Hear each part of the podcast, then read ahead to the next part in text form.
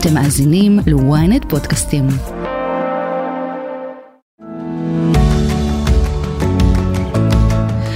שלום וברוכים הבאים לאספת הורים, תוכנית ההורות שלנו כאן בוויינט רדיו. אני אגר כוכבי, והיום אנחנו נדבר על נושא כואב וכאוב וקשה, והוא הניכור ההורי. אנחנו נבין מה זה בכלל אומר, איך זה מתבטא, מה ההבדל בין ניתוק קשר לבין ניכור, מהם האתגרים וגם מהם הטיפולים והאם הם uh, יעילים. אז אני רוצה להציג את האורחת שלי שהגיעה כאן uh, לאולפן.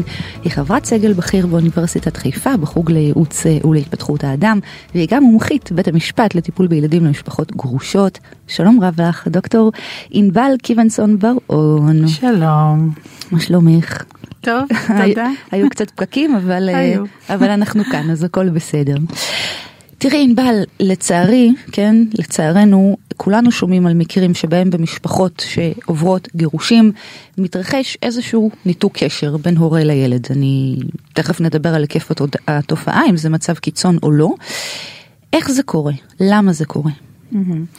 אני חושבת שעוד לפני שאומרים למה זה קורה ואיך זה קורה, צריך להבין את ההקשר, את ההקשר הרחב וגם לעשות קצת סדר, כי יש, יש, יש בלאגן, אוקיי, באיך שהם מתייחסים לניתוק קשר ולניכור הורי, ולצערי זה הפך להיות גולדן באזר כזה שמשתמשים בו all over, זאת אומרת כמעט בכל דבר, כן. ואני חושבת שהדיוק וההמשגה שמדייקת את התפיסה שלנו מה זה ניכור, שהוא וריאציה מסוימת בתוך ניתוק קשר, לעומת מה זה לא ניכור היא מאוד מאוד חשובה. כן. אז אני אגיד שקודם כל כשאנחנו מתייחסים לילדים מנותקי קשר, אנחנו נדבר על resist refuse dynamics. אוקיי. Okay. Okay? ככה כותבים על זה לא מעט תיאורטיקנים, שהם בעצם מדברים על משפחות גרושות או בתהליכי פרידה וגירושין בעצימות גבוהה. Mm-hmm. בעצימות גבוהה זה אומר שהשלב הראשון בתוך תהליכי גירושין שהוא שלב אקוטי, שיש בו אמוציונליות יותר חריפה ותחושת חרדה יותר גבוהה ולפעמים קצת קצת אה, ירידה בשיפוט המציאות או ביכולת לקחת עוד נתונים וככה להסתכל לפעמים mm-hmm. על טובתם של ילדים, יש הצפה מאוד מאוד גדולה. אה, אז השלב הזה שהוא בדרך כלל ככה לפחות בספרות נאמר לנו שהוא מתפוגג אחרי חצי שנה, שמונה חודשים, השלב הזה הופך להיות כרוני. זאת אומרת שיש קשר לאופן שבו אנחנו מתגרשים.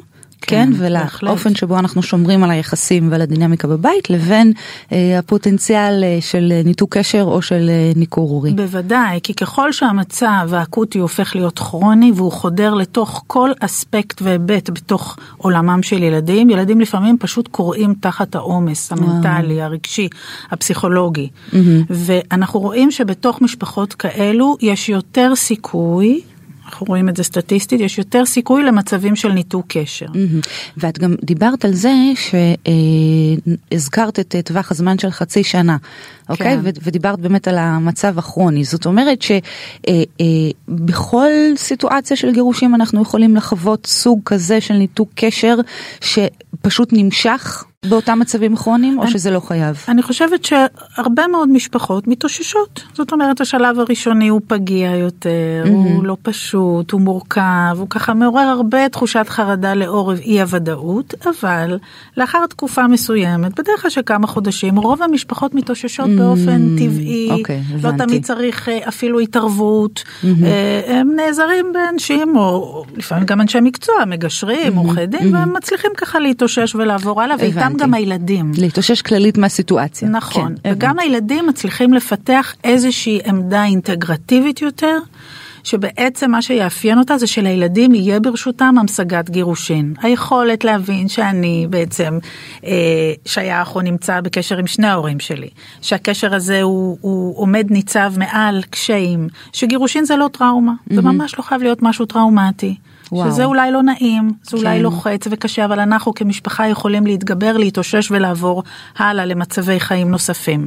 המשפחות שאני מדברת עליהן הן משפחות שהן הרבה פעמים משמרות את המצב הכרוני הזה, הקשה מאוד, עם המוצפות הגבוהה, ושם אנחנו רואים כל מיני מצבים של, של סימפטומים שילדים מראים לנו, mm-hmm. אוקיי? כך שניתוק קשר יכול לבוא מהרבה מאוד סיטואציות. Mm-hmm. קודם כל הוא יכול לבוא מ-safety issues, ממצבים שבהם ילדים באמת נפגעו.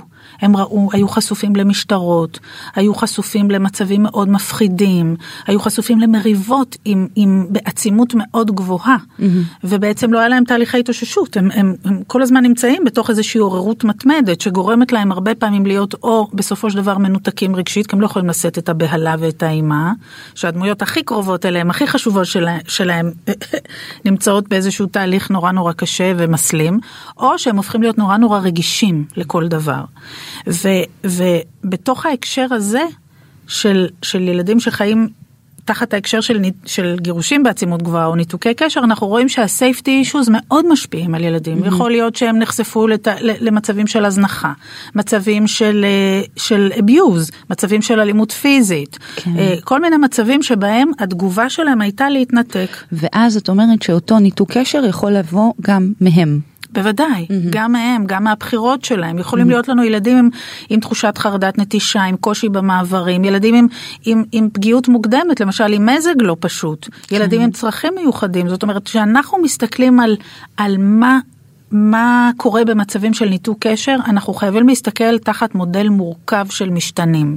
אז יש משתנים שהם קשורים לילד, יש משתנים שהם קשורים להורים שלו, עוצמת הקונפליקט, כמה הם חשפו אותו, אוקיי? כמה הם בעצם, אה, אה, המאפיינים שלהם זלגו, המאפייני הסכסוך זלגו mm-hmm. לתוך העולם של הילד. אנחנו יכולים להסתכל על, על, על המצב בין החיים, גם זה פקטור שאנחנו צריכים לקחת אותו בחשבון. כן. מצב החיים לפני הסכסוך, בתוך הסכסוך, האם היו קואליציות למשל, זאת אומרת, יש לנו באמת מודל שאנחנו נסתכל בצורה מורכבת. אבל את יודעת, את פותחת לנו מאוד מאוד את היריעה, זאת אומרת, גם כן. של הסימפטומים וגם של, של אותם כיוונים שזה יכול לבוא.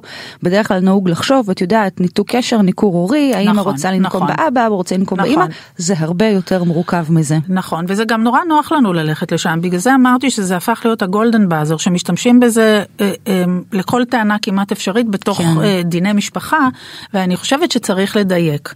אנחנו צריכים להסתכל על הילד, על ההורה, על מאפייני הסכסוך, על ההליך המשפטי, על היחסים המוקדמים שהיו שם, על ההיסטוריית היחסים, אנחנו צריכים להסתכל על המזג של הילד, על, על הפגיעות שלו, אוקיי? על כל מיני פקטורים, ואז לייחד מבט ספציפי שבודק את הערוץ של היווצרות ניכור הורי. Mm-hmm. ניתוק קשר הוא, הוא יכול להיות מכל מיני סיבות. ניכור הורי הוא מחייב שיהיה לו אספקט אחד של ניתוק קשר, אבל לא רק. אז לא מה רק. באמת הקריטריונים להגדרה של אה, ניכור הורי? אז, אז אני אגיד כך, קודם כל היה לי חשוב להגיד שלא כל אה, ניכור, שניכור הוא רק חתיכה אחת מהפאזל. בהחלט. אבל אני אגיד שהתפיסה המוקדמת, שיוחסה לניכור הורי דיברה על, על בעצם מצב שבו יש ניתוק קשר בין הורה לילד בתהליכי גירושין בעצימות גבוהה, כשבעצם לניתוק הזה אין הצדקה. מבחינה אובייקטיבית שאנחנו מסתכלים, אנחנו רואים שאין אה, הצדקות ממשיות, אובייקטיביות, אה, ובעצם של הילד הזה, אוקיי, הוא מקיים ארבעה פרמטרים, ועליהם אני ארחיב. אבל אני אגיד עוד לפני זה, התפיסה הראשונית דיברה או על ניכור הורי או סרבנות קשר. סרבנות קשר זה כביכול מצב מוצדק. שילד בעצם נפגע פיזית, מינית, רגשית, עבר התעללות, הזנחה, ובעצם אנחנו צריכים להגן עליו. אנחנו צריכים להגן עליו מפני הורה מתעלל או הורה מזניח. והפרקטיקה הזאת היא פרקטיקה ידועה. היא שייכת באמת לעולם הטראומה ולעולם הפוסט-טראומה, ובאמת יש הרבה יותר, אני חושבת, מרכזים וידיעה וסוציאליזציה מקצועית, גם בעבודה סוציאלית או פסיכולוגיה, שבאמת עוסקים, והדברים האלה הם אה, מקבלים איזושהי תצורה מבחינת טיפול והתערבות. התערבות שהיא ידועה יותר. המצבים האחרים הם בעצם שמיוחס להם ניכור הורי, הם מצבים שילד לא מגלה איזושהי הצדקה ושיש לו מספר מאפיינים, זה בספרות הקלאסית, שמראים שהוא מתוכנת לשנוא את ההורה האחר, לעיין אותו באלף. להיות עוין כלפיו, כשבעצם אנחנו מסתכלים על היסטוריית היחסים היא תקינה לחלוטין. והספרות המאוחרת יותר, שאמרה, תקשיבו, זה קצת פשטני להגיד ניכור או רק סרבנות. העולם לא בנוי רק באופן קטגוריאלי כזה, בטח לא נפש האדם, אלא אנחנו צריכים להסתכל על זה כמודל הרבה יותר רחב, ובאמת המודלים, לשמחתי, גם של אה, אה, פידלר ושל באלה ושל סייני ושל וודל, באמת הציעו ראייה הרבה יותר רחבה. Mm-hmm. וגם הטיפול הוא הרבה יותר רחב כנגזרת מכך. כן. אז כשאנחנו נדבר על ניכור הורי, על מקרה פרטי של ניתוק קשר, שהוא בעצם יהווה ניכור הורי, אנחנו צריכים להסתכל על ארבעה פרמטרים. ארבעה קריטריונים מרכזיים, אפשר לקרוא את בייקר משנת 2020, שבעצם מתארת וככה די בהרחבה. הקריטריון הראשון זה שבעצם היסטוריית היחסים המוקדמת, טרום הניתוק, הייתה תקינה. זאת אומרת, אין לנו מצבים של התעללות, של הזנחה, של אביוז. זאת אומרת, אנחנו מסתכלים, אנחנו רואים הורה שהתפקוד שלו היה תקין. עכשיו, אני רק רוצה להגיד, זה הרבה פעמים קורה שמטפלים בניכור, הרבה פעמים רואים את זה שמגיעים מטופלים ואומרים, עד עכשיו הייתי בסדר, פתאום אני צריך להיות הורה מושלם, ואף פעם לא לצאת מכליי, ולא להתרגז אף פעם, כן. אבל אף אחד מאיתנו הוא לא הורה מושלם, זה חלק מהעניין, ברור. אוקיי? ש, שאני חושבת שמה שחשוב אצל הורים זה לא שהם יהיו מושלמים, זה שהם יהיו פנויים ללמידה, או נכון. להתבוננות בעצמם. ממש, טוב, זה באמת נושא כן. מדהים בפני עצמו. כן. כן. אז, אז אני רוצה להגיד שבהקשר הזה, היסטוריית היחסים אין בה דבר שמנבא את עוצמת הניתוק. את מדברת על זוג נורמטיבי שמנהל חיים שגרתיים ו- ומיטיבים mm-hmm. והחליט להתגרש ועם ההחלטה הזו או לאחר הגירושים בעצם התחילו כל הביטויים של ניתוק קשר ושל ניכור שעליהם את מדברת. נכון. אבל זה רק פרמטר אחד וגם הוא לא מספיק כי כן. אני יודעת לפחות מהעבודה שלי במרכז לטיפול לאלימות במשפחה שעבדתי לא מעט שנים שלעיתים רק סביב גירושין מתגלים דברים מאוד קשים שהיו שם קודם לכן לכן כן. זה, זה מצריך איזושהי התייחסות הרבה יותר איזושהי הבחנה הרבה יותר רחבה אנחנו מסתכלים גם על התפקוד של ההורים מול בית ספר ומול טיפת חלב ואנחנו מסתכלים על אלבומים אפילו כדי ללמוד על ההיסטוריה המשפחתית שלעיתים היא פשוט נמחקת בצורה טוטאלית. זה פרמטר אחד. הפרמר, הפרמטר השני הוא שפרקטיקות ההורות הן תקינות. זאת אומרת, אומרים לנו על אותו הורה, הוא מתעלל והוא הורה שהוא אלים מאוד וכדומה, ואנחנו מסתכלים על פרקטיקות ההורות שלו, והן תקינות מבחינת מנטליזציה, היכולת לחשוב את הילד, מבחינת התקשרות, מבחינת זה שהוא מהווה אצל הילד ייצוג מופנם למקום של ביטחון, נחמה, ו- ו- ו- ודאגה. Mm-hmm. אנחנו מסתכלים על הוויסות שלו. הוא מבוסת, מצליח לתאר את הילד, הוא מצליח, אנחנו רואים שהוא מכיר את הילד היטב, למרות שמה שאומרים עליו שהוא מעולם לא היה בחיים שלו. Mm, האמא כן. הזאת לא גידלה אותי מעולם, האבא הזה מעולם לא היה בחיים שלי. אנחנו מזהים פערים שלא ניתן להסביר אותם רק בתוך מה שהילד רק טוען או מה שההורה טוען. אנחנו כן. צריכים לעשות פה חשיבה רחבה יותר, וגם שני הקריטריונים הללו לא מספיקים. Mm-hmm. הקריטריון השלישי הוא מאפייני התנהגות מנקרת או דינמיקות של ניכור אצל, אצל ההורה הדומיננטי mm-hmm. או ההורה המועדף מה שנקרא. שמה זה אומר ההורה הדומיננטי? זה ההורה שהילד איתו בקשר. Mm-hmm. אנחנו מדברים על מצבים שלילדים אין קשר עם הורה אחר. אוקיי. Okay. אוקיי? Okay? ובעצם אנחנו מזהים כאן פעולות אקטיביות, הרבה פעמים מכוונות, למידור ההורה האחר ולחבלה מכוונת בקשר שלו עם הילד. למשל, אמ, תיאור של כל מיני שקרים, ממש תיאור של אה, עלילות שווא, ממש ככה. אמ, מתארים את ההורה הזה במכוון כהורה נוטש, מאיים, מסוכן, מפחיד. כל התנהגות שלו עוברת תיווך מכוון. Mm-hmm. שב, של, של הורה שהוא מסוכן, אוקיי? זאת אומרת, הורה שמפחיד מאוד לילד להישאר איתו. אה, הורים שהם היו תקינים לחלוטין, שהילדים רק לפני, לפעמים אני פשוט רואה סרטונים שמראים לי ההורים, זה, זה היה רק לפני חודשיים שלושה. זאת אומרת, טיילנו, שאומרים לי, את רואה פה ילד מפוחד? זאת אומרת, הרבה פעמים אנחנו רואים שההורה המועדף משקיע אנרגיה מסיבית. בגם הפיכת ההורה האחר למופרע, מטורף, אלים, גם מול הילד, גם מול החיים, גם מול המשפחה המורחבת, וגם מול בתי הספר. מצב מורכב. מאוד. עכשיו זה הקריטריון השלישי, השלישי ואני כן. עוד לא סיימתי אותו. במצבים האלה למשל, אה, הורים לא מאפשרים לילדים להגיע לטיפול, לא מאפשרים להגיע לאבחונים. עוד דבר שהוא מאוד מאוד חריף, לא מקיימים צווים שיפוטיים. וואו. פשוט לא מקבלים את מרות בית משפט, אין שום הפנמה של סמכות בית משפט. בכל מיני uh, סיבות שונות ואחרות. אז החלק הזה הוא מאוד משמעותי. הרבה פעמים אני מתארת שאני מלמדת את זה, זה שהם, איך הורים עושים את זה, שהם ממש מתיישבים על התודעה של הילד ומשחקים בה. הם ממש, הם ממש מטשטשים את האמת ומייצרים אמת אלטרנטיבית. הם ממש נותנים סימנים לילד שההורה הזה, האמא הזאת היא, היא פוגעת בך, האבא הזה הוא מסוכן לך, והילד, הם ממש טובים קורי חשיבה קוגנטיבית. ממש יושבים על עיבוד המידע החברתי והקוגנטיבי של הילד והם באמת מצליחים לייצר דימוי של הורה פוגע. עכשיו הילד נמצא בדיסוננס, הוא כבר איבד הורה אחד. אז איך איך, איך, הוא, איך הוא לא יאמין להורה הזה? זאת כן. אומרת, יש פה תהליכים שהילד לעיתים, הרבה פעמים, הוא חייב לרצות את ההורה כי הוא תלוי בו. אנחנו מדברים על סוג של שבי פסיכולוגי שיש ממש. בו את כל המאפיינים של שבי פסיכולוגי. זה כן. היה השלישי, הפרמטר השלישי. הפרמטר הרביעי הוא מאפייני ניכור אצל הילד, שאלה מאפיינים שאנחנו מזהים הרבה פעמים אצל ילדים שהם נתונים בספליט. מה זה ילד בספליט? שהוא נמצא, שמישהו מתפעל את קונפליקט הנאמנויות שלו, ומכניס אותו כל הזמן לחרדה. כל הזמן דואג שהילד יהיה חרד, שההורה הולך לפגוע בו, שהוא הנה הוא עוקב אחריו, שהוא הולך לעשות לו כל מיני דברים. והחלק המרכזי בדינמיקה שנוצר בין הילד לבין ההורה המועדף הוא תהליך של שליטה פסיכולוגית, שזה שימוש באמצעים כופים כדי להגביר את התלות של הילד כלפי ההורה. והילד אכן מראה את זה. הוא מראה תלות מוגברת, אפילו ילדים שהם לגמרי עצמאים בתוך העולם שלהם.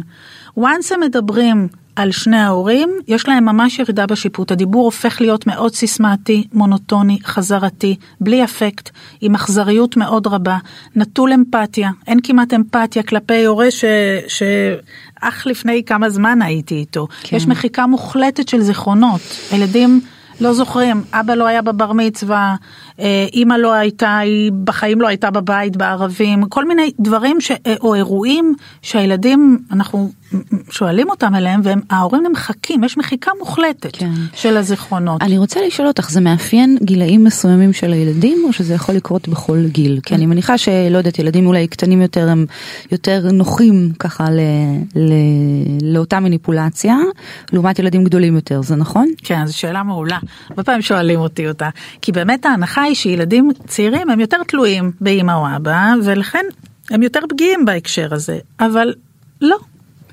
זאת אומרת, ברגע שילדים מפתחים את מערכת החשיבה המוסרית שלהם, של טוב ורע, אפשר לתפעל אותה.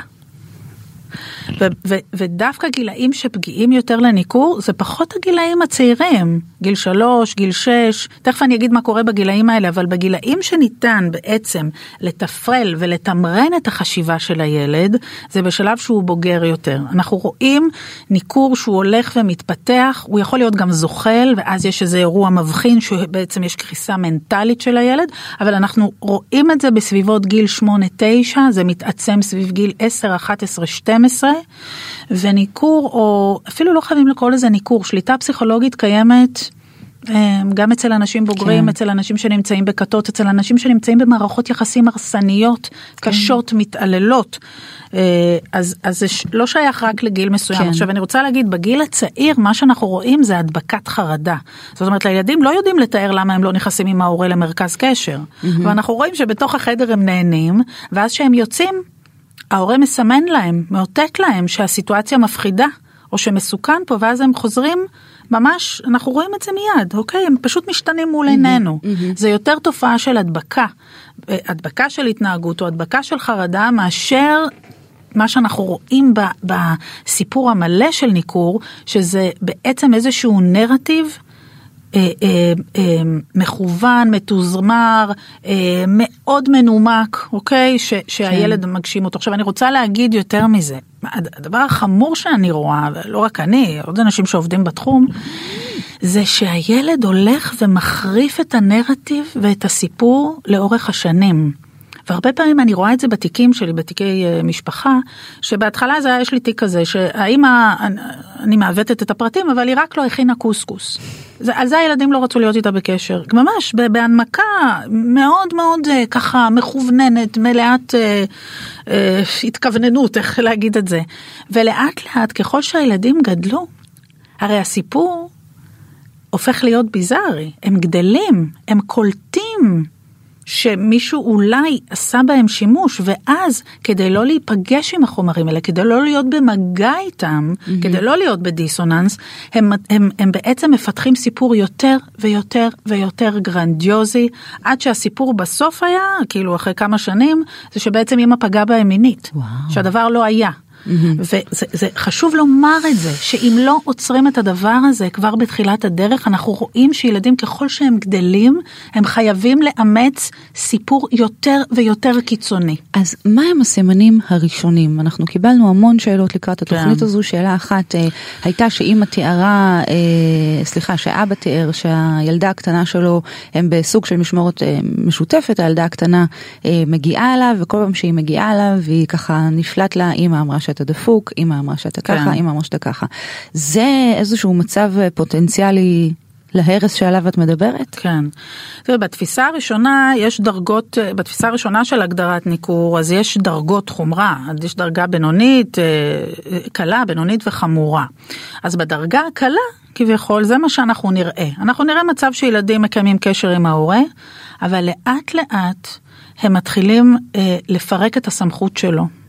ואנחנו נראה שהילדים מתחילים להשתמש במשפטים שאולים, למשל אין לך מסוגלות הורית, או כל מיני דברים כאלה, או את אישה מורדת. דברים כן. שילדים בני שבע ושמונה יכולים להגיד להורים שלהם.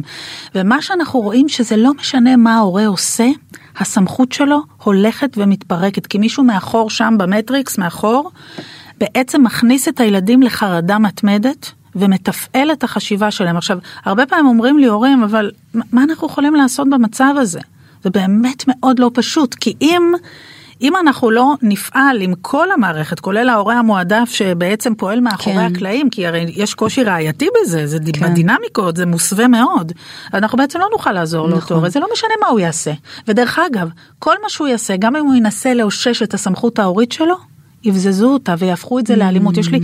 היו לי כמה מקרים שבהם הורה ניסה, אמא או אבא ניסו קצת, אה, ילדים התחצפו אליהם, זרקו על הרצ, רצפת צלחת, אמרו, אה, אמרו לי לעשות כך וכך, וההורה למשל לקח את הנייד, ואמר לא, התנהגתם אליי מאוד לא יפה, אני שם את הניידים שלכם בצד, וירדו למשטרה, אחר כך הלכו למשטרה כדי להגיש תלונה שההורה הזה הוא הורה מתעלל. וואו. ולקחו את הילדים כדי שהילדים יגישו תלונה, וממש שיחקו להם בראש בהיבט הזה. אז זה מה שאני רוצה לשאול באמת, לפני הפתרונות כן. וה, והטיפולים, מה... מה עובר על ילדים שמתמודדים עם סיטואציה כזו? מהן ההשלכות? אמ, תראה, הם עוברים הפחדה יומיומית. זה מה שקורה במצבים של שליטה פסיכולוגית או של שבי פסיכולוגי. הם עוברים כל יום הפחדה, כל יום מחדש.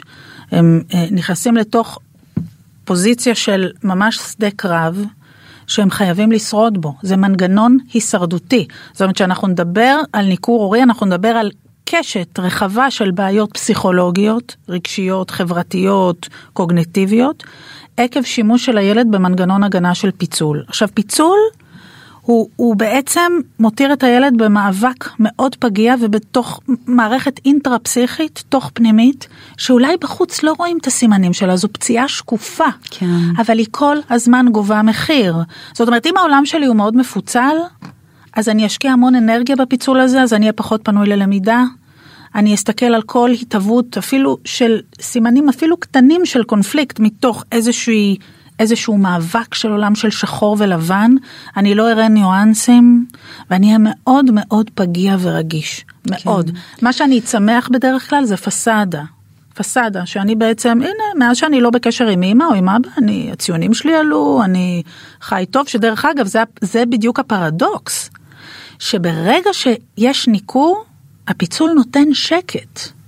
יש כן, שקט בסימפטומים. כן, אתה בעצם מבודד כביכול את המקור. אה, עולם שלם פנימי כן. אתה מבודד, יחסי אובייקט, יחסים עם ההורים, זיכרונות, דודים, אירועים, שמחות, עולם שלם נמחק. ושוב אני אומרת, זאת בחירה הישרדותית. הילדים האלה לא עושים את זה כי בא להם. ילדים לא נולדים עם ספליט, mm-hmm. הם נולדים עם צורכי התקשרות ליצירת קשר עם, עם מטפל מועדף. קשר אקסקלוסיבי. והמקום הזה שבו הם נדרשים בצורה די מוסווית ומניפולטיבית לוותר ולמחוק חלקים מעולמם, גורמים להם הרבה פעמים, אנחנו רואים את זה בספרות של בייקר, בשלבים מאוחרים יותר, לדיכאון, נטייה להתמכרויות, ניתוקי קשר נוספים, אה, בעיות קשות בדימוי עצמי, שליטה בכעסים, אה, קושי בוויסות ובכלל אמון. אמון במבוגרים או אמון בכלל בעולם, שהעולם יכול לשאת אותי, העולם יש פה אלמנטים אה, בריאים, טובים. קשה, ממש קשה מאוד. יכול להיווצר מצב של ניכור הורי שהילדים, זאת אומרת, שהוא ללא ניתוק קשר? כן. זה מאפיין את מה שאמרת לי, ככה שהורים פנו, והרבה פעמים אומרים, אין ניתוק קשר, זה החלק המתעתע. כן. הילדים מגיעים אליי, יש לי עכשיו, יש לי, לא, לא, לא עכשיו, אבל היה לי לא מזמן על מצב שבו ילדים לא נכנסים לבית של ההורה, הם יושבים בחצר, ילדים שעד לפני שלושה חודשים שיחקו בבית, יש להם חדרים, יש להם צו. עכשיו, זה לא צו כתוב, זה צו רגשי. פסיכולוגי, כן. אסור להם להיכנס לבית ולאכול אוכל או לשתות, הם יושבים שלוש שעות בחוץ, הם לא נכנסים. אני מכירה אימא למשל שלא מרשה לילדים שלה להתקלח אצל הגרוש. לכו תיכנסו תהיו, לא מרשה להתקלח. לא להתקלח וגם בטח לא לישון. אז יש כל מיני מצבים, אני עוד לא הייתי קוראת לזה ניכור, כי יכול להיות שאם האמא והאבא מסכימים על זה, או, או הם לא מכניסים את הילדים לקונפליקט, ניחא. אני אומרת שיש הרבה וריאציות כן, שלא תמיד אנחנו צריכים להתערב. שלו. בדיוק, אבל לא, אני לא מדברת על זה, אני מדברת על מצב שבו הילדים רוצים ואסור להם.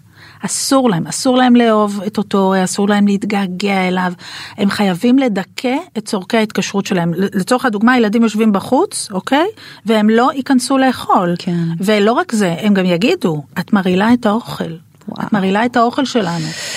אז תכף נדבר על איך בכלל מתחילים להתמודד עם הדבר הזה. אמ, אני יודעת שיש לא מעט מאבקים כן, כן, סביב המושג, גם ככה מגדריים, גם פוליטיים. כן, כן. תרצי לומר על זה מילה? אני אגיד שזה חלק מהאקלים שבו מתפתח ניכור הורי. וצריך לשים עליו את הדעת. אנחנו מזהים כמה דברים. הדבר הראשון זה מגמות גוברות לשותפות הורית.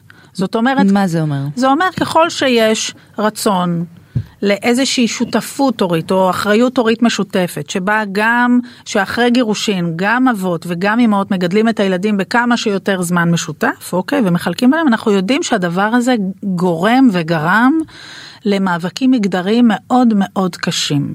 זאת אומרת, לצורך העניין, אבות היום הם הרבה יותר מבקשים יותר מעורבות. בחיי ילדיהם, והם אומרים, אם, אם לפני כן אני קילחתי אותו והוא ישן אצלי, כמו שנתת את הדוגמה הקודמת, אז למה עכשיו אני לא יכול לעשות את זה? אז הנושא הזה של מאבקים על זמני שהות עם ילדים, הנושא הזה, מכיוון שהוא גם כרוך בכסף, יצר עלייה דרמטית באינטרסים לנקר ילדים. Mm-hmm. זאת אומרת, זה מגולם בכסף. זה קשור בכלל לדברים כלכליים, ויש לנו פה מאבקים עזים ביותר, עזים, עזים, ממש, אני אפילו לא אכנס לחלק הזה. Okay. אוקיי. הדבר הנוסף שמאוד משפיע, זה בעצם השפה האדברסרית בדיני משפחה. שפה אדברסרית היא שפה לעומתית, היא שפה טיעונית. זאת אומרת, מגיעים אנשים, כל אחד יש לו את הטיעון שלו והוא רוצה לקבל יותר כוח, סטטוס ומעמד, ולצורך העניין, כדי שאני אזכה ביותר דברים, מה שאני צריכה לעשות זה להשחיר אותך, לא רק להדיר את עצמי. ובשם זה, יש מאבקים קשים, כולל תלונות שווא. שימוש בתלונות שווא, הכנסת ילדים לתוך מצבים שבהם הם נדרשים לפברק סיפורים על ההורים שלהם, מעודדים אותם. אני ראיתי מאות ילדים מנוכרים בחיי, בשלבים מסוימים הם מספרים לי, הם פשוט מבקשים שזה יישאר רק אצלי, הם מספרים לי איך הדריכו אותם לקראת מה להגיד לשופט, איך להגיד לעובדת הסוציאלית, הם ממש מתארים לי, כש, בתהליכים שהם משתחררים, הם מעיזים לספר, זה כן. חלק נורא נורא מכאיב. ובאמת משתחררים בזה, את יודעת, בכובע השני שלי כעורכת ערוץ הורים העלינו כתבה באמת אה, כל כך משמעותית בעיניי, ראיינו אנשים בוגרים, בני 40, שיש להם כבר משפחות שלהם, שכל אחד חווה סיטואציה של ניתוק קשר או של ניתוק הורי בילדות. לא ממש, לא יודעת, אולי אתה יודע, זה גם עניין של אה, ככה רעיון מדגמי, אבל לא ממש יצאו מזה. אז אני אגיד אולי, אני אנסה לענות על אגב, זה. אגב, גם אה. מבחינה רגשית ונפשית וגם מבחינת הקשר עם ההורה. זאת אומרת, גם כשהם גדלו והם הבינו את המניפולציה, הם לא תמיד הצליחו לחזור לקשר נכון ומיטיב עם ההורה כן. כביכול אה, מנקר? אני אנסה לענות על זה בכמה היבטים. ההיבט האחד זה שאם לא נכיר בזה שניכור הורי, שהבסיס שלו זה שליטה פסיכולוגית ושבי פסיכולוגי, הוא מהווה התעללות בילדים, אנחנו לא באמת נוכל לחלץ אותם. אני חושבת שהמאבק הגדול היום בעולם זה להכיר בכך שילדים שעוברים שבי פסיכולוגי בתוך ביתם, לא שם אה, באיזה חבל ארץ, פה, כאן. כן. זה כמעט בלתי נתפס, כי אנחנו נוטים לחשוב שהורים אוהבים את הילדים שלהם והכי דואגים להם בעולם, אז איך יכול להיות שהם משתמשים בהם? כן. אבל יש לנו את השימוש הזה של התעללות בילדים סביב פגיעה מינית, בוודאי, פגיעה פיזית, אה, אה, הזנחה, אבל התחום הזה של להח, להתייחס לניכור הורי, וגם לא אכפת לי שיקראו לזה משהו אחר, זה לא משנה, אבל ילדים שעוברים שליטה פסיכולוגית חריפה ותהליכי שבי, הנושא הזה, כל עוד הוא לא ייכנס לתוך מערכת שחקיקה אפילו, שמתייחסת לזה כמשהו או פלילי או כמשהו שהוא מסוכן, אוקיי, לילדים ופוגע בהם, אנחנו נהיה באזורים שמאוד קשה לעזור לילדים ואנחנו נראה, הפרוגנוזה היא נמוכה, בהחלט נמוכה. כן.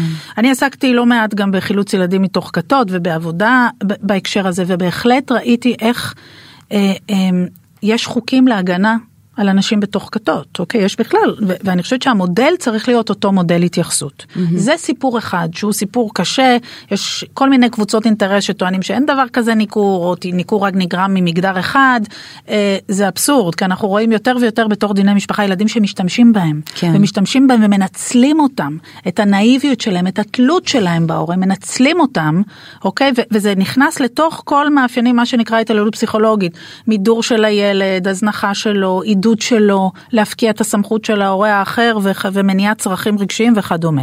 כן. הדבר השני זה שברמה הנמוכה, בדרגות הנמוכות האלה שעוד אין איתו קשר, הורים הם מאוד נאיבים. הם באמת אומרים לא לא לא אני, אני אקנה לילדים או אני אהיה איתם יותר.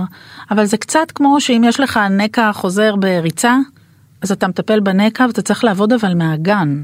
ולכן זה לא עוזר לטפל רק בנקע עצמו. זאת אומרת, צריך להבין שיש פה מערכת. ניכור הורי לא סתם לא נמצא בתוך ספר, ספר האבחנות הפסיכיאטרי ב-DSM, לא רק בגלל מאבקים פוליטיים, אני עוזבת את זה רגע, זה במקום שאני, הסוציולוגיה של הקונפליקט היא פחות מעניינת אותי, mm-hmm. אלא הוא לא נמצא שם מכיוון שהילד אין בו חולי, אין בו חולי, הוא לא, זה לא פתולוגיה אורגנית, כן. זה בעצם מצב שמכניסים אותו, האקלים שלו מכניס אותו, ולכן האקלים שלו, אם מטפלים באקלים, כן. אז האקלים גם יכול להוציא אותו משם. כן. וכשאנחנו מדברים על טיפול, הטיפול המרכזי שידוע בעולם היום שעוזר, וגם אני רואה לאור מאות תיקים שהיו לי וגם של קולגות שלי, זה טיפול פסיכו-משפטי. זה אומר, טיפול פסיכו-משפטי הוא אומר דבר אחד, אוקיי? זה מה שהוא אומר. שהמערכת נכנסת תחת צו שיפוטי לטיפול. זה טיפול שמפוקח בית משפט ברמה אינטנסיבית והוא מדווח לבית משפט. Mm-hmm. ולמה זה תשאלי אותי? הרי מה, טיפול הוא בחדרי חדרים והוא מאוד מאוד אינטימי ו- ואיך יכול להיות שישוקפו בו דברים מסוימים לבית משפט, לאדם מבחוץ, mm-hmm. לשופט משפחה. זה מכיוון שאנחנו עוסקים בשילוב של משפחות שאין להם מוטיבציה חיצונית לשינוי המצב. זאת להם... אומרת הן על דעת עצמן לא רוצות, אה, לא מעוניינות בטיפול, לא חושבות שיש בו צורך. בוודאי שלא, ולכן, לכן רוב המשפחות ורוב האנשים שהדבר הזה קורה להם, הם מאבדים זמן יקר כי הם באמת מאמינים שהם ידברו על ליבו של ההורה המועדף, אבל יש שם המון מניפולציות והמון דברים מוסווים שקורים מאחורי הגב של ההורה. אז אני רוצה לשאול, האם את יכולה להצביע ככה על כמה סימנים ראשונים שיכולים להצביע על, על היווצרות של מצב כזה, חלילה? אז האחד זה שהילד מתחיל לדבר בשפה מפוצלת. אתה רע, אמא טובה. Uh, המשפחה של אמא כולה רעה, המשפחה של אבא כולה טובה. מתחיל משהו שלא מאפיין את הילד עד כה. זאת אומרת, העולם מתחיל להפך לשחור לבן, ואני לא מדברת על דברים רגילים שאנחנו רואים בהתפתחות של ילדים, של חשיבה של יותר שחור לבן, אני לא מדברת על זה, אני מדברת על משהו שהופך להיות מאוד עמוק וסיסטמטי ביחס לכל תפיסת העולם ביחס להורים. אנחנו רואים ילדים שפתאום לפתע הופכים להיות אכזריים ועוינים ונטולי הבעה, אין הבעה, אין אפקט. זה, זה ממש אמירות חזרתיות ושיטתיות, שהן כאילו נראה שהילד לא מגיב אפילו להורה, לחמימות, לנועם, למתנה שהוא קונה לו. הילד אחוז במשהו שהוא בכלל לא קשור לסיטואציה כאן. Mm-hmm.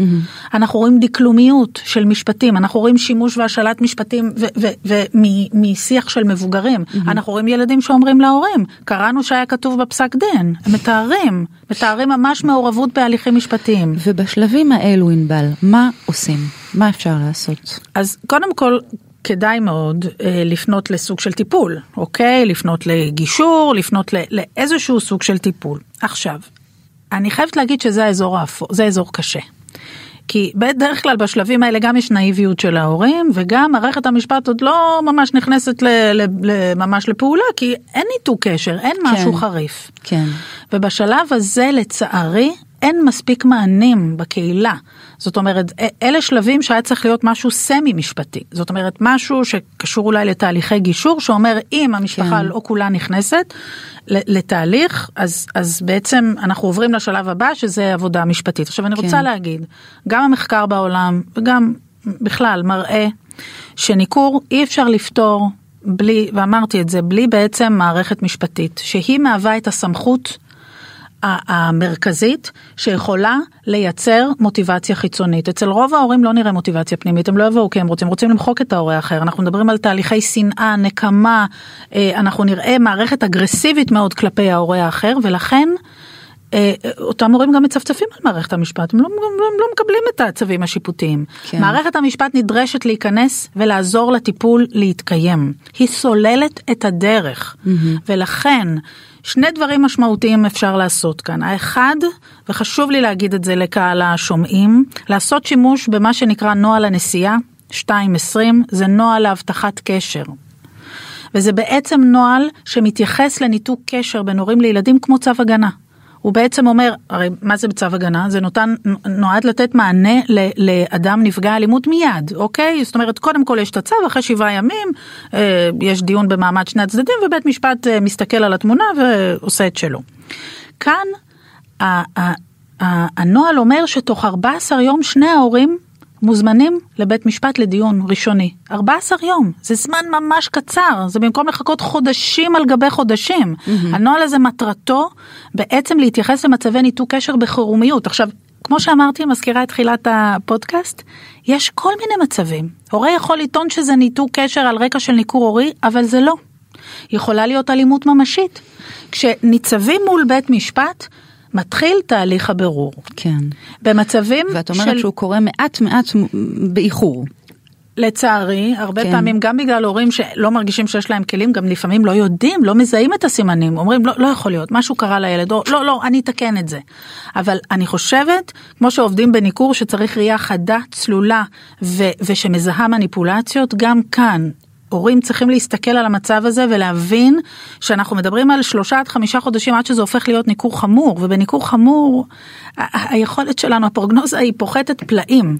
כן. אז נוהל הנסיעה מאפשר להורים להגיע לבית משפט לבקש עזרה מיידית, מכיוון שהם לא מצליחים לייצר עזרה. יש שם מישהו שאין לו שום אינטרס, שום אינטרס. הם צריכים להגיע עם משהו, עם כלום, איזשהו... צריכים להגיש טופס, מורידים ממשרד המשפטים, ו, אה, אה, ויש כמובן פנייה לעורך דין, או למגשר, או ובית משפט וכדומה. מה שאני רוצה להגיד, שהחשיבות מול בית משפט זה שבית משפט מנסה, מנסה לשמר סדר, יש היררכיה.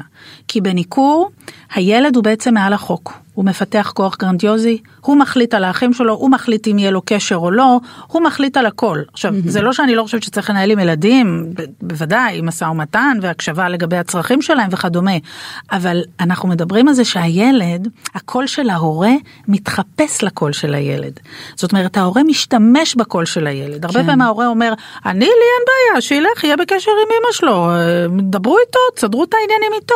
כשההורה יושב שם מאחורי הקלעים ואנחנו רואים באופן שיטתי את המניפולציות על החשיבה של הילד. קשה, זה באמת נשמע לי כל כך קשה. מה, דיברנו המון על מה עובר על הילדים, אבל מה עובר על ההורה המנוכר? אני רוצה להגיד שהרבה פעמים אנחנו מדברים על התעללות ב- בילד, אוקיי, אנחנו מדברים על זה, אבל בעיניי מדובר על אביוז לכל דבר ודבר, לכל דבר ודבר מול אה, הורים מנוכרים, בגירים.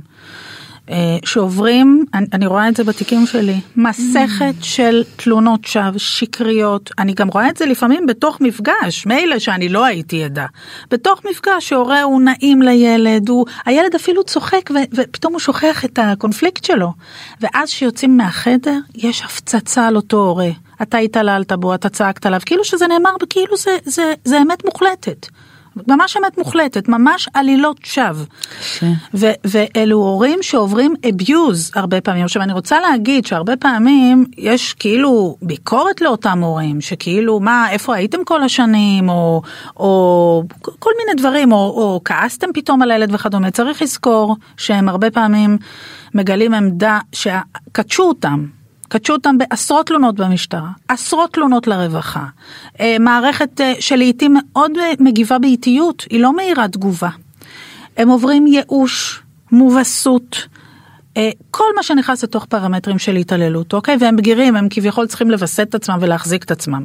אז אני חושבת שהמבט צריך להיות גם עליהם. ואני רוצה להגיד, הרבה פעמים אני רואה הורים שאומרים, טוב, אז, אז הם לא פגשו את הילד שלהם חודש, חודשיים, שלושה, אבל אני רוצה לשאול, מי מאיתנו שיש לו קשר עם הילדים שלו, לא היה פוגש אותם חמש שעות, שמונה שעות, ממש. מה היה קורה לו? לרמת העוררות שלו, העצבנות שלו, האמון שלו, אם אף אחד לא היה עוזר לו. ואני חושבת שצריך כלים משפטיים נכונים ו- ו- ובוודאי לפנות כדי לאפשר חילוט של ילדים וגם הורים מתוך מצבים של חוסר אונים משתק. ממש. אז אנחנו מדברות, אני ככה מתארת איזשהו הליך כרונולוגי, התחלנו לזהות, אוקיי? איזשהו... אה, אה, תהליך כזה של הסלמה שהורה, את יודעת, אה, יכול גם לדבר אה, אה, לא טובות על ההורה השני, יכול לאסור על הילדים, באמת את כל המניפולציות שדיברת עליהן. אותו הורה אומר אוקיי בואו ננסה גישור בואו ננסה טיפול ההורה השני לא משתף פעולה לא רוצה לעשות את זה את אומרת פנו לבית משפט נכון, ו... נכון. ותתחילו את הטיפול מה קורה בטיפול עצמו. הטיפול הוא טיפול מערכתי. ועכשיו אני רוצה להגיד עליו כמה מילים כי יש הרבה אני קוראת לזה סייקו בלבלה לגבי מה זה הטיפול בניכור או בחידוש אנחנו מדברים על טיפול בחידוש קשר. כשאני אומרת שניכור הוא רק וריאציה אחת. המטרה של הטיפול, זה מה שאני עושה בארץ, המולטי מודל או פאמילי אינטרוונשן, זה להביא לקשר תקין בין הורה לילד. זאת אומרת, מבחינתי זה לא אומר שזמני השהות יהיו שוויוניים.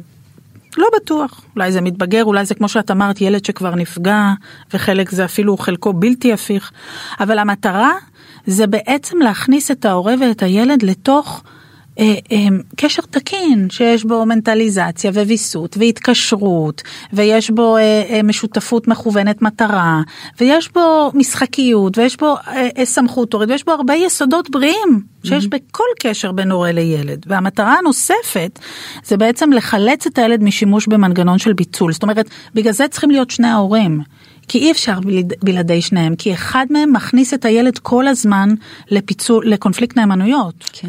ולכן הוא חייב להיות, כל המשפחה חייבת להיות. אנחנו מנסים לחזק את כל התא המשפחתי, לשמר תקשורת בין ההורים, לפתח נרטיב תקין, חלופי, כזה שלא מערב את הילדים בחומרים מעולם המבוגרים, אלא ששם ממש ויסות או, או פונקציית שמירת סף תקינה בין חומרים שיש בעולם המבוגרים, משפטיים, כלכליים, ששייכים לגירושין אפילו, אוקיי? וממש מנסים לצמח נרטיב תקין יותר, mm-hmm. מוגן ושקט יותר עבור הילדים. מה אחוזי ההצלחה של אה, טיפול כזה? תראי, מאוד מאוד קשה, ל... אין סטטיסטיקה אחידה מכיוון שאין טיפול אחיד בכל המערכות, יש רווחה, יש מרכזים, יש אה, הרבה סוגים של מומחים אה, לטיפול בחידוש קשר. אני יכולה להגיד שאצלי לא כל התיקים הם תיקי ניכור, אוקיי, אני מדברת משהו כמו על 62 אה, אחוזים, שאר התיקים הם תיקים מורכבים, היברידיים, ששני ההורים כשלו, ובפונקציית שמירת הסף שלהם במהלך הגירושין, ותיקים שיש בהם גם אלימות במשפחה, אלימות ממשית, אוקיי, שצריך להתייחס לזה, כן. אבל אני יכולה להגיד שברגע שיש טיפול שלוב ידיים של מערכת המשפט, ומערכת טיפול שעוסקת ייעודית סביב השבת קשר, וגם מבקשת את עזרת בית משפט. אבל אני רוצה לשאול אותך, ענבל, להגיע למצב של טיפול לטובת חידוש קשר צריכה להיות באמת איזושהי הסכמה. זאת אומרת, נכון, דיברנו על, ה, על ההכרח המשפטי. מה קורה למשל אם ילד מאוד מתנגד? עבודה מאוד קשה, מאוד מאוד קשה. אז אני רוצה להגיד שהטיפול הוא לא טיפול קלאסי רגיל. הוא עובד, הוא, אני קוראת לו עולמות מקבילים. אנחנו עובדים, ולכן הוא לא יכול להיות שעה בשבוע, אבל, אבל הוא עובד גם עם ההורים, גם עם הילד, ויש כל מיני ערוצים של כניסה לחידוש קשר. למשל, אם זה ילד עם רמת חרדה גבוהה, כי יצרו לו דימוי או ההורה האחר בעצם הפך להיות גירוי פובי, אנחנו עובדים על תהליך של חשיפה, אז אנחנו נעבוד הרבה עם הילד באופן פרטני ונעבוד בשיטות סיביטיסטיות יותר, ש, שבעצם נתחיל לבסס איזושהי חשיפה של ההורה תחת מדרוג. זה בהתחלה חמש דקות, אחרי זה זה עשר דקות, אחרי זה זה עשרים דקות, באיזשהו תהליך שגם עושה הרפאיה וככה דמיון מודרך ומאפשר לילד להיות אה, יותר מבוסס אה, נינוחות. Mm-hmm. זה יכול להיות שזה לא יהיה ערוץ של חרדה אלא דווקא ערוץ של זעם, mm-hmm. אם מתבגרים למשל, ואז אנחנו עובדים הרבה על פתרון קונפליקטים. אה, במצבי ניכור לא פשוטים אנחנו עובדים קודם כל עם ההורה המועדף והילד.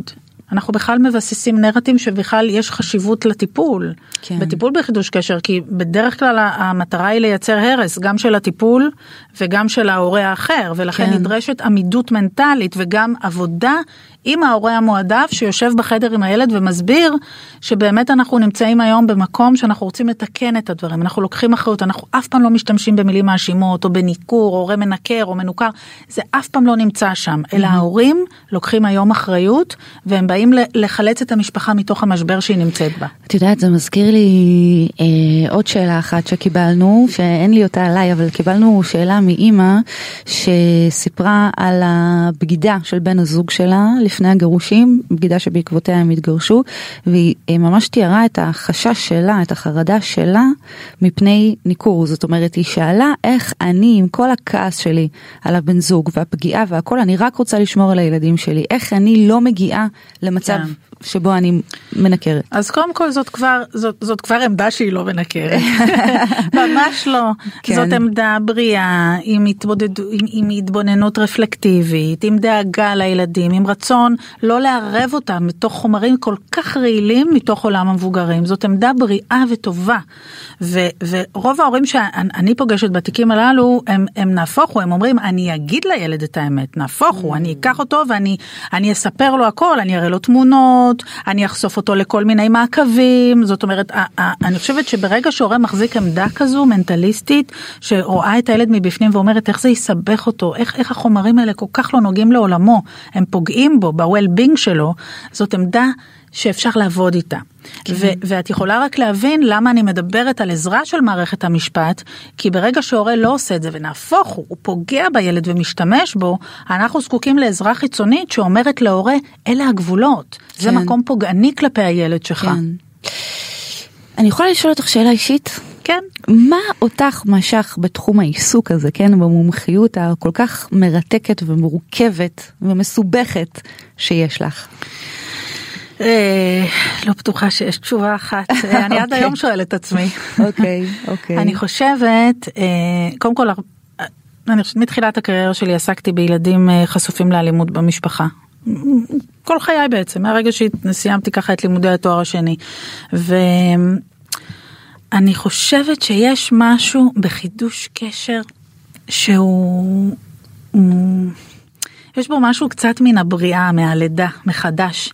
כי ברגע שילד שבא זעוף וסגור ונוקשה ומבוצר להורה שלו, ואז פתאום הוא משחק איתו, ופתאום הוא קורא לו אבא, או אמא, תתני לי, ו... אמ, ונותנים יד ביד, ופתאום ההתקשרות הזאת שבה ומקבלת חיים מחודשים. מדהים. בשבילי יש בזה, זה אתגר גדול להגיע לשם, אבל זה, זה מאוד נותן חיים בדרך הקשה. מדהים. ובעיקר לראות ילדים ששווים להיות ילדים, צוחקים, מתלוצצים, אה, מתנהגים כמו שילדים או מתבגרים צריכים להיות בתוך העולם שלהם. איזה יופי. טוב, זה נשמע כל כך ראוי וכל כך משמעותי.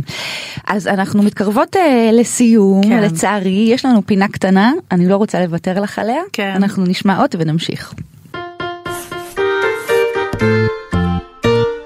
מאלף ועד תף, לקסיקון האורות הגדול. אוקיי, אה, משחק אסוציאציות קטן, אבל אני רוצה שגם את אה, תשתתפי בו. אז אני סופרת ככה בלב את האותיות, מונה א', ב', ג', כמו בארץ עיר, תעצרי אותי ונמשיך משם. אוקיי. סבבה? אז אני מתחילה. א', סטופ. ה'. ה', ענבל יקרה, איזו מילה עולה לך בראש באות ה'? וואו, עולה לי הגר, שהרגע היינו באינטראקציה, כן. ונתת לי מקום להביא את דבריי. איזה יופי, איזה יופי, ממש, אה, ממש אה, כבוד שלי. אני אגיד שלי עלתה המילה הד. כאילו הד, את יודעת, אם היינו יודעים, אני מקווה שעוד ועוד הורים יבינו איזה הד יש להם וכמה ה- השיקוף שלהם הוא חשוב ודרמטי לילדים. את חושבת אגב שאם הורים היו ילד, אה, יודעים יותר טוב מה זה עושה לילדים הם היו נוהגים אחרת? אני חושבת שזה חלק מהטיפול. הטיפול נועד להגביר מנטליזציה של הורים, לנסות להבין את העולם הפנימי של הילדים שלהם. אני מקווה שכן, אה, כן. מאוד מאוד מחזיקה בזה. טוב, אז uh, אני חושבת שזה סיום uh, מדהים לתוכנית, אז uh, אני ממש רוצה להודות לך uh, גם באמת על התובנות המדהימות שלך וגם על המידע הכל כך כל כך חשוב שנתת לנו, אז המון המון תודה לך. תודה לך, דוקטור הגר. ענבל קיבנסון בר-און, תודה לכל הצופים שלנו והמאזינים שלנו וגם תודה על השאלות אה, ששלחתם. אה, קודם כל תעקבו אחרינו, תעקבו אחרינו בספוטיפיי וגם ביוטיוב אה, ותמשיכו לשאול שאלות ורעיונות ועצות להגר מקף קיי שטרודל ynet.co.il. ניפגש בתוכנית הבאה של אספת הורים, ביי.